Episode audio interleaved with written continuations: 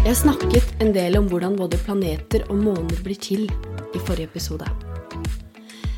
Likevel har jeg lyst til å vie en helt egen episode til våre nærmeste naboer. Vi har jo åtte spennende planeter i vårt eget solsystem, og mange av dem har måner som hører til. Og månene er ikke alltid blitt via så stor oppmerksomhet blant forskere, men de siste årene har faktisk forskning ledet oss i retning av måner som det muligens kan være liv på. Velkommen til Naturfaghjørnet.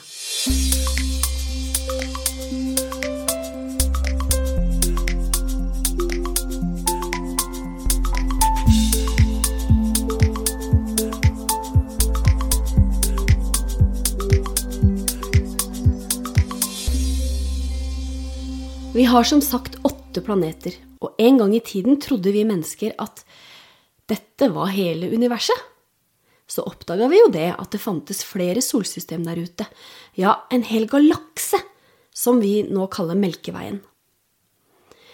Men helt fram til omtrent 100 år siden så trodde vi at Melkeveien var hele universet. Nå veit vi at det er milliarder av galakser og enda flere stjerner og planeter.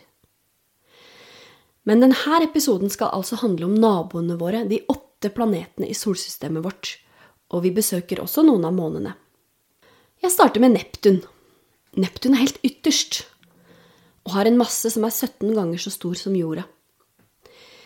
Neptun er en gassplanet, og store deler av atmosfæren er hydrogen og helium, akkurat som de tre andre gassplanetene Uranus, Saturn og Jupiter.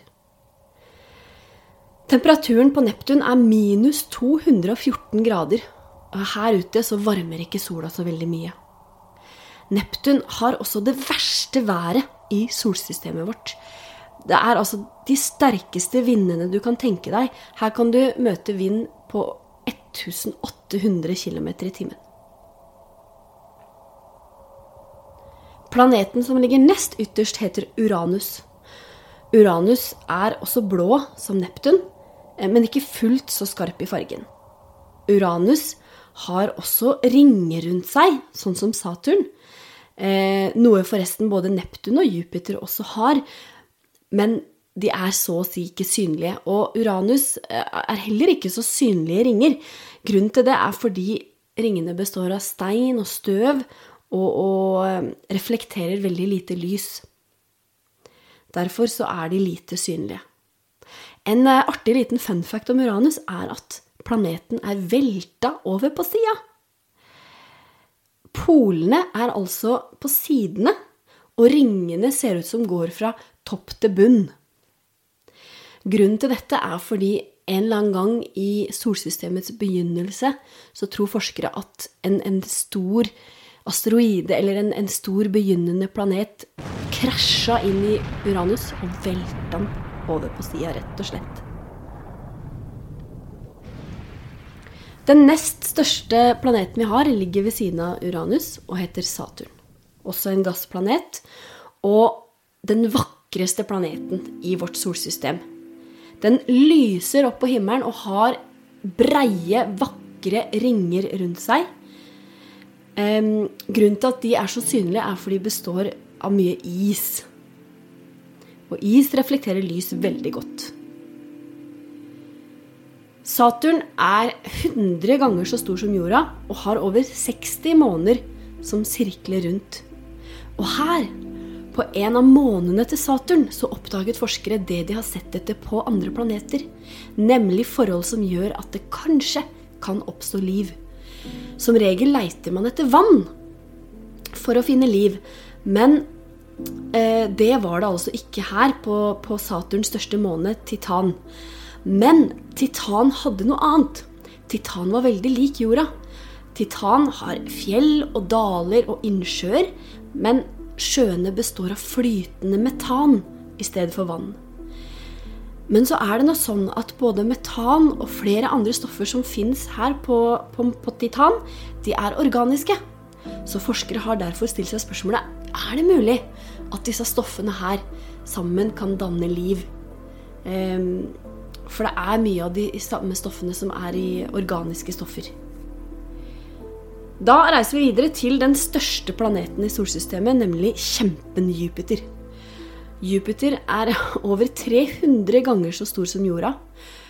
Har du forresten lagt merke til at Jupiter ser ut som man er stripete?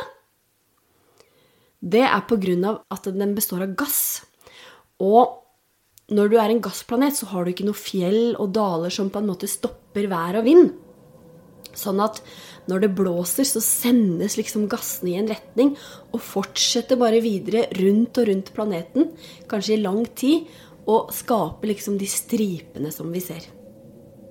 Jupiter er jo også kjent for sitt røde øye, en sånn stor rød flekk som er større enn jorda, og det er faktisk en gigantisk storm, den største i solsystemet vårt. Og den har pågått i foreløpig 300 år. Jupiter har også over 60 måneder, og en av dem heter Europa. Europa er en annen måne som har fått mye oppmerksomhet fra forskere, nettopp fordi den også kanskje kan inneholde liv. Europa er helt dekket av is og har en atmosfære som består av oksygen. Men under all isen så er det flytende vann. Teleskoper har nemlig plukka opp utbrudd i overflaten på månen. Enorme geysirer med vann som spruter ut gjennom isen. Opptil 200 km ut i rommet spruter noen av de geysirene. Og i det enorme havet her under isen så kan det hende at det har oppstått liv på et eller annet vis. Vi kan forresten takke Jupiter for at det er så trygt på jorda. Jupiter går i en bane rett utenfor oss, utafor det indre solsystemet, og den er så stor at den får en enorm tyngdekraft. Så noen ganger kommer det asteroider eller andre himmellegemer mot sola, mot oss planetene her i midten. Og det kan være farlig hvis det krasjer. Men da har altså Jupiter så sterk gravitasjon at den trekker på disse asteroidene og sender de ut av solsystemet, sånn at de endrer bane. Så Jupiter er vår store beskytter. Innafor Jupiter så er det altså Mars som er neste planet. Mars er jo også et sted vi har lett etter liv i mange, mange år. Grunnen til det er fordi Mars ligner på jorda. Det er en steinplanet, og den går i bane rundt sola på et område der det ikke er for kaldt og ikke for varmt.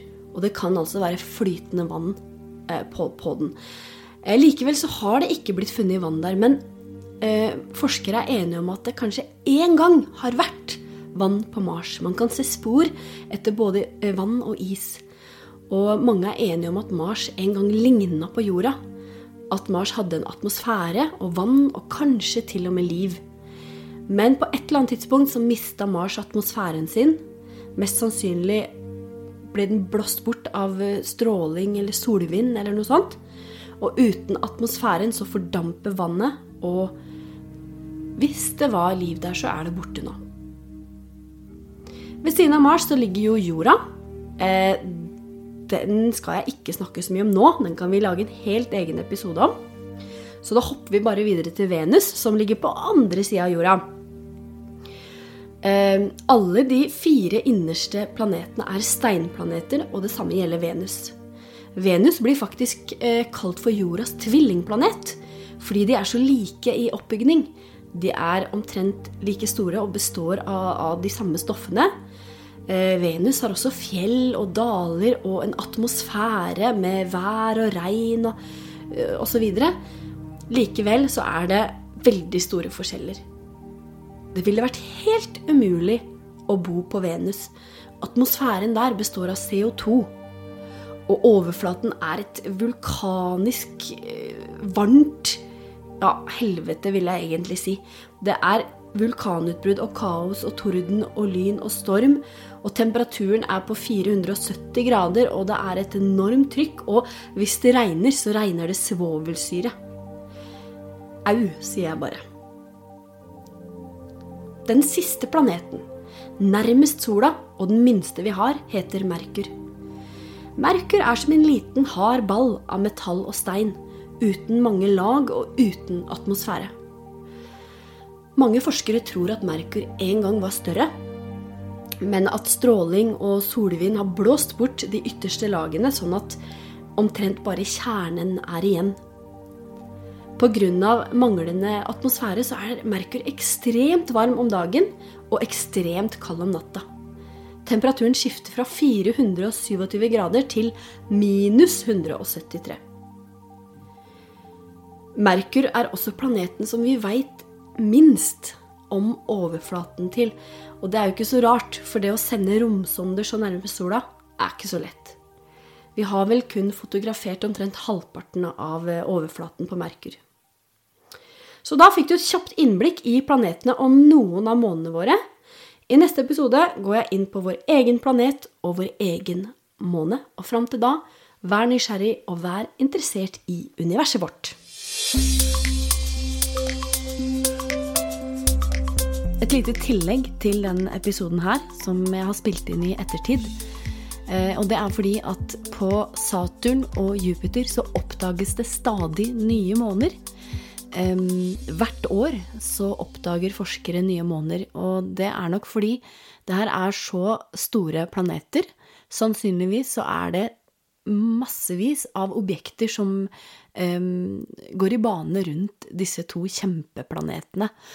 Uh, og takket være at vi hele tiden får bedre utstyr, bedre teleskoper og, og, og sånne ting, så, så, oppdages det nye planeter. Og det er mange som ikke er, eh, er navngitt engang enda, men Saturn har i hvert fall over 80 måneder så langt, og Jupiter nærmer seg 80 de òg. 79 sist jeg sjekka. Så en liten oppdatering på det.